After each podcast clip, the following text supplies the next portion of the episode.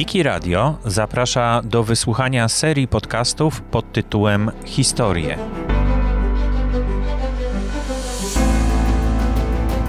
Prawdziwe zdarzenia opowiedziane przez tych, którzy je przeżyli.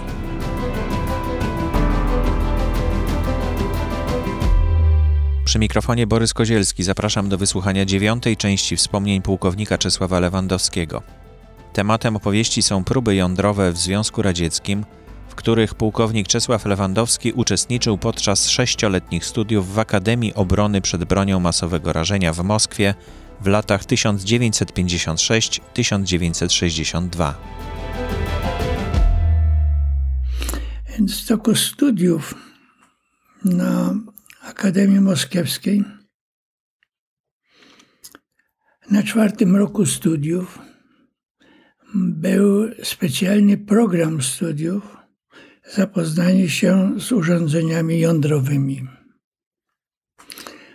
E, wcześniej przechodziliśmy kurs, duży kurs chyba przez dwa i pół roku fizyki jądrowej, a to miało być uwieńczone mm, obecnością w e, tych siłowniach jądrowych, Okazało się, że u mnie jeszcze trochę na innym etapie. Byliśmy w paru elektrowniach. No, spotkaliśmy się z techniką zupełnie różną od tej, która jest na co dzień. To już tak jakbyśmy byli, powiedzmy, w innym świecie. Inna odpowiedzialność, inna technika, inny sposób pomiaru bezpieczeństwa i wszystko inne. Na początku piątego roku studiów otrzymałem pytanie, czy chcę uczestniczyć e, w badaniach szczególnego stopnia i szczególnego przeznaczenia. Powiedziałem, że bardzo chętnie, a to wynikało stąd, że ja byłem tym przodującym słuchaczem, przodującym mm, studentem prawda? Taka propozycja. Okazało się, że nie tylko do mnie, jeszcze do dwóch kolegów również było skierowane to pytanie. Oni też wyrażyli chęć. No więc jak wyraziliśmy chęć, to dość szybko, chyba po dwóch czy trzech tygodniach, otrzymaliśmy informację, że pojedziemy tam do miejsca działań, miejsca pracy, jak kto woli. Wsiedliśmy w samolot i polecieliśmy. Polecieliśmy gdzieś daleko, daleko na wschód i na południe Rosji. Wylądowaliśmy w stepie, no ale w takim miasteczku wojskowym, prawda? Nie wiedzieliśmy, gdzie jesteśmy, bo nas wcześniej nie poinformowano na miejscu, tylko dowiedzieliśmy się, że będziemy brać udział w składzie innych ekip badawczych przy próbie jądrowej małego, mm, znaczy małej mocy, a więc w granicach do 10-15 kiloton. E, szczegóły później. No te szczegóły się sprowadziły do tego, że zostaliśmy zapoznani ze scenariuszem, z warunkami, będzie to eksperymentalny wybuch jądrowy, ale nie tylko sam wybuch, tylko będzie wykorzystany do eksperymentu z e, ćwiczeniami wojsk. Przeznaczony do tego jest pułk zmechanizowany, który będzie pokonywał strefę skażeń i strefę wybuchu jądrowego.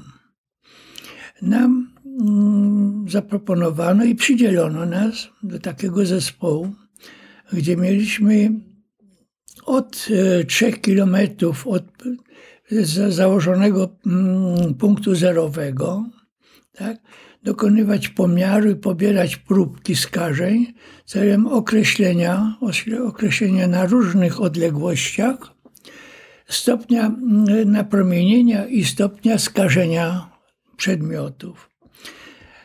Otrzymaliśmy do dyspozycji specjalnie oprzyrządowany samochód opancerzony. To jest jeden z samochodów, który był na wyposażeniu wojsk chemicznych do rozpoznania skażeń, tylko dodatkowo wyposażony jeszcze. I mieliśmy tym samochodem co 500 metrów pobierać próbki. No rzecz jasna, samo przygotowanie do, do samego wybuchu było dość y, takie, mm, powiedzmy, powiedziałbym, nadmiernie dokładne, jeśli chodzi o zabezpieczenie bezpieczeństwa. Wszyscy, którzy uczestniczyli w tych badaniach, byli w określony sposób wyposażeni nie tylko już powiedzmy w urządzenia pomiarowe, dozymetry indywidualne i wszystko inne, prawda, ale w odzież ochronną. No i pod pancerzem to się wszystko miało dziać. Założeniem było takim, że będzie wybuch jądrowy, powietrzny, na wysokości od 300 do 400 metrów i w ślad za tym wybuchem w pół godziny wyrusza do natarcia pułk piechoty. My natomiast wyruszamy razem z tymi wojskami, tylko nieco na innym kierunku, żeby nie, nie przeszkadzać temu wszystkiemu, prawda? I będziemy dokonywać te swoje pomiary. Rzecz jasna, wyposażenie byliśmy w całą tą masę różnych dodatkowych y, urządzeń, wyposażeń do, do, dla tych pobranych próbek, prawda, bo to różne próbki od gleby począwszy na wodzie kończymy. O. I czekamy. Otrzymaliśmy takie ciemne okulary na wszelki wypadek. Zainstalowano nas w takich schronach polowych. No i jest wybuch. Odnośnie samego wybuchu. To jest potworna rzecz. Widowiskowa, ale niesamowicie potworna. Niesamowity błysk. W ślad za tym narastający nie jednogłośny, nie jedno, znaczy jednorazowy, tylko narastający niesamowity grzmot. Wizualnie kształtowanie się tego sławetnego grzyba, prawda? A na powierzchni ziemi wszystko się gnie, wszystko się łamie, wszystko zaczyna się palić. No, ten huk to jest potworna rzecz, a ślad za nim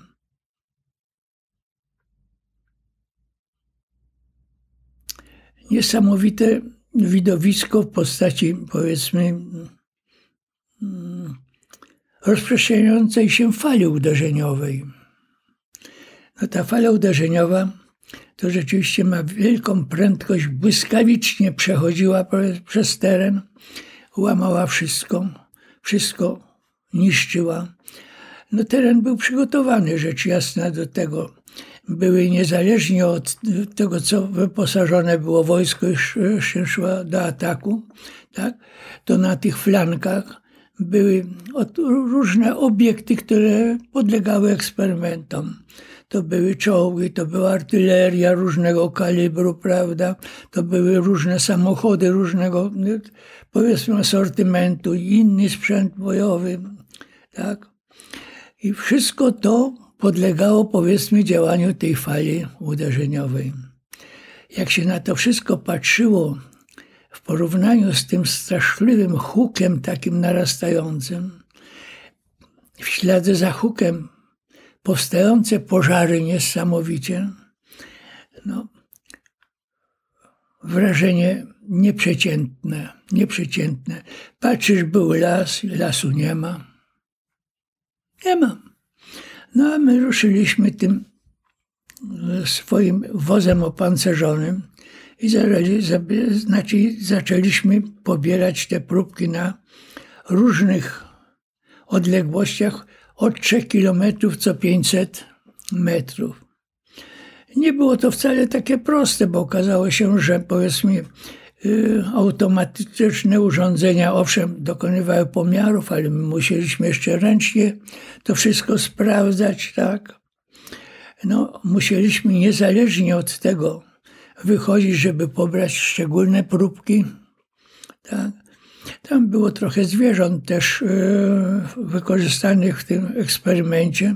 Z tymi zwierzakami mieliśmy największy kłopot, żeby, bo nie tylko chodziło o to, powiedzmy, ich napromieniowanie, bo one były wyposażone w liczniki, ale również e, pobieranie, powiedzmy, próbek spadłych zwierząt. Doszliśmy w ten sposób do 500 metrów do punktu zerowego. I dalej stop, nie wolno już było. To już był teren zakazany. Jak szło wojsko? Nie wiem, bo ja widziałem tylko jak ruszyli. Jak było dalej? Nie wiem. No, pułk to jest e, liczebnie, powiedzmy, duży oddział, około dwóch tysięcy żołnierzy. Więc jest, jest to powiedzmy eksperyment taki na nieco szerszą skalę. E, w tym eksperymencie chodziło o określenie, jak żołnierz jest napromieniowany przy tym swoim normalnym mm, wyposażeniu, jak są żołnierze napromieniowani nieco mocniej, powiedzmy zabezpieczeni. No, jako eksperyment w różnych takich wariantach. E, nie byliśmy zapoznani mm, z tymi danymi, które dotyczyło wojska. Byliśmy ograniczeni do tego, co robiliśmy swoje. Rzecz jasna, trzeba było dokonać, powiedzmy, później uogólnienia tych naszych badań i efektów badań, dokonać wykresów, prawda, oddać próbki do analizy, z odpowiednimi mm, informacjami miejsca i sposobu pobrania i charakteru. No i zdawałoby się, że się skończyło. Nie, nie skończyło. Cała ta impreza trwała około 4 godzin. Dość dużo. Rzecz jasna, po zakończonym cyklu tych wszystkich przedsięwzięć, które przed nami stały, zostaliśmy poddani kontroli dozymetrycznej szczegółowej. No rzecz jasna, wszystko to, czym się posługiwaliśmy, podlegało dezaktywacji e, szczegółowej, wielokrotnej e, kontroli. Wszyscy przechodziliśmy to, te badania e, stopnia napromienienia, okazało się, że niezależnie od pancerza, niezależnie od wszystkich tych środków ochrony, powiedzmy, która była na nas, byłem ogólnie napromieniowany z w tym czasie, w tym czasie yy, rentgenami. Później to się zmieniło na jednostki REM, ale to później już, prawda. I tak mam zapisane w swojej dokumentacji zdrowotnej czym skończyła się cała ta impreza e, po pobraniu tych próbek i po dokonaniu pomiarów. Więc pozwolono nam wjechać ten teren i obejrzeć skutki wybuchu, a szczególnie działania, powiedzmy, tej fali uderzeniowej i pożarów. Jest to widok przerażający przerażający w swojej wymowie, bo nic nie ostało się, powiedzmy, takim, jakim było. W odległości, powiedzmy, od 500, tak gdzieś do odległości 2,5 kilometra. Wszystko było zniszczone, wszystko było uszkodzone. Urządzenia, urządzenia polowe, urządzenia, powiedzmy, obronne, poniszczone, okopy zniszczone Z tego wszystkiego mieliśmy obowiązek napisać sprawozdanie i swoje uwagi i swoje wnioski. Rzecz jasna, tych uwag było dużo, a wniosków jeszcze więcej, a pytań jeszcze więcej. To wszystko przekazaliśmy tej ekipie kierującej. No, nam ślicznie podziękowano. Pobyliśmy jeszcze dwa dni, przechodząc trzy kontrole badań dozometrycznych i badań lekarskich. Wsiedliśmy w, samochód, w samolot i polecieliśmy do Moskwy. Mieliśmy tylko polecenie zresztą za podpisem, tak, na odpowiedniej karcie, że wszystkie swoje uwagi, swój udział w tym wszystkim zachowamy w tajemnicy. Nie wolno nam o tym było mówić. I dlatego nawet po powrocie do kraju niewiele mogłem na ten temat mówić, chociaż pytań było wiele takich, prawda? Yy, sądzę, że to były jakieś, jakieś propozycje tam strony radzieckiej, bo nawet już po zakończeniu studiów podlegałem tu szczególnym badaniom lekarskim, widocznie powiedzmy na, dla określenia skutków tego napromienienia. Z, tych, z tej grupy nas trzech, zresztą każdy z nas wykonywał zupełnie różne zadanie tam, chociaż byliśmy w jednej ekipie, bo to było powiedzmy z tego cyklu całościowego, tylko po, po, podzielone na takie powiedzmy grupy. Tak? z tych naszych, naszej ekipy trzech osób, od trzech lat ja jestem sam tylko. Ostatnie trzy lata temu zmarł uczestnik. To był pułkownik Czarnecki.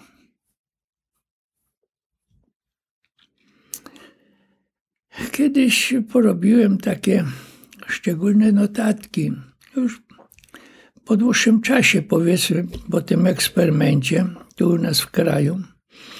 I to na mm, takie, no powiedzmy, propozycję, nie nakaz, a na propozycję szefa sztabu generalnego. Odnośnie swoich uwag, swoich takich, no powiedzmy, opisu przeżyć, yy, wniosków z tych rezultatów. Jeżeli pamiętam jeszcze tego eksperymentu i tych pomiarów, które dokonywaliśmy, przekazałem to na ręce szefa sztabu generalnego.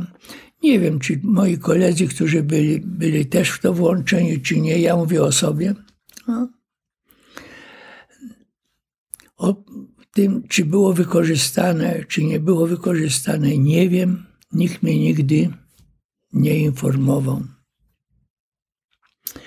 Ale na marginesie tego chciałbym jeszcze mm, wrócić do nieco wcześniejszych właśnie naszych udziałów jako, jako studentów w tych, e, no ja to tak delikatnie nazywałem wycieczką, chociaż tam mieliśmy określone zadania do wykonania e, w e, elektrowniach jądrowych. No przyznam, że wejście na, taką, na teren tej, takiej elektrowni i wejście do tych pomieszczeń, włącznie z pomieszczeniem, powiedzmy, które tam było, tych reaktorów atomowych, to było niesamowite przeżycie. Wszystko brzęczy, wszystko szumi Kolory się zmieniają. Wszędzie ograniczenia. Na dobrą sprawę do niczego się dotknąć nie można. Bez tych pracowników, którzy dane, daną część, powiedzmy, obsługują. No, technika zupełnie różna, zarówno w elektronice, jak i w w elektryce, powiedzmy, no we wszystkim, co tylko można sobie wyobrazić. To jest zupełnie inny etap już technologii z tym, co była na co dzień. E, rzecz jasna, po tych naszych pobytach w dwóch elektrowniach byliśmy, tak, musieliśmy napisać takie sprawozdanie ze swoich i obserwacji, i dokonań tam, tak, ze swoimi wnioskami. Zapewnie, zapewnie powiedzmy dlatego, żeby nas zatrudnić, ale sądzę, że może były takie sprawy, bo każdy, każda ekipa, jak byliśmy, byliśmy podzieleni na kilkanaście takich zespołów i każdy zespół przechodziliśmy rotacją tego. Każdy zespół czym innym się zajmował w innym miejscu, prawda? Y, sądzę, że może takie uwagi praktyczne y, nieraz do czegoś się przydały. Taki wstręt, wtręt mały. Ja nieco wcześniej byłem na takim mm, stażu zawodowym w wielkiej fabryce opon. To w ramach powiedzmy studiów z technologii. I tam mieliśmy zadanie wybrać sobie jakiś powiedzmy mm, wąski, ale temat do rozpracowania naukowego. Ja pozna, po się z wieloma tam powiedzmy cyklami tej produkcji, organizacji tej produkcji, postanowiłem sobie, że zobaczę jak to wygląda wykorzystanie surowca w masowej produkcji. Jako temat badawczy. I co się okazało? Okazało się na zakończenie tego wszystkiego, że około 10% y, surowca było marnowane ze względu na niedokładności pras, niedokładności obróbki. Straty dla instytucji niesamowite, prawda? No, miałem za to piękne podziękowanie. I wiem, że te moje uwagi zostały uwzględnione i technolog tam wprowadził określone, powiedzmy, ulepszenia. Niby nic, a jednak coś. Sądzę, że w tych, w tych warunkach tych elektrowni jądrowych, te nasze powiedzmy takie bardzo wąziutkie, bardzo małe, jakieś tam uwagi też, czy to w zakresie bezpieczeństwa, czy ruchu tego wszystkiego, czy nadzoru, mogły być przydatne. Tyle odnośnie jądrowych prób i z tym wszystko związane.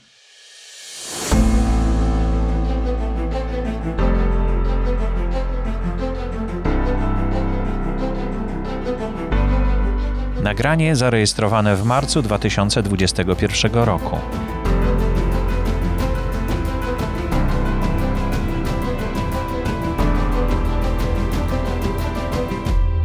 To był odcinek podcastu Wiki Radia serii Historie wspomnienia pułkownika Czesława Lewandowskiego. Pozostałe odcinki dostępne są w podcaście Historie w czytnikach podcastów i w Wikimedia Commons w kategorii Podcasty dla Wikipedii.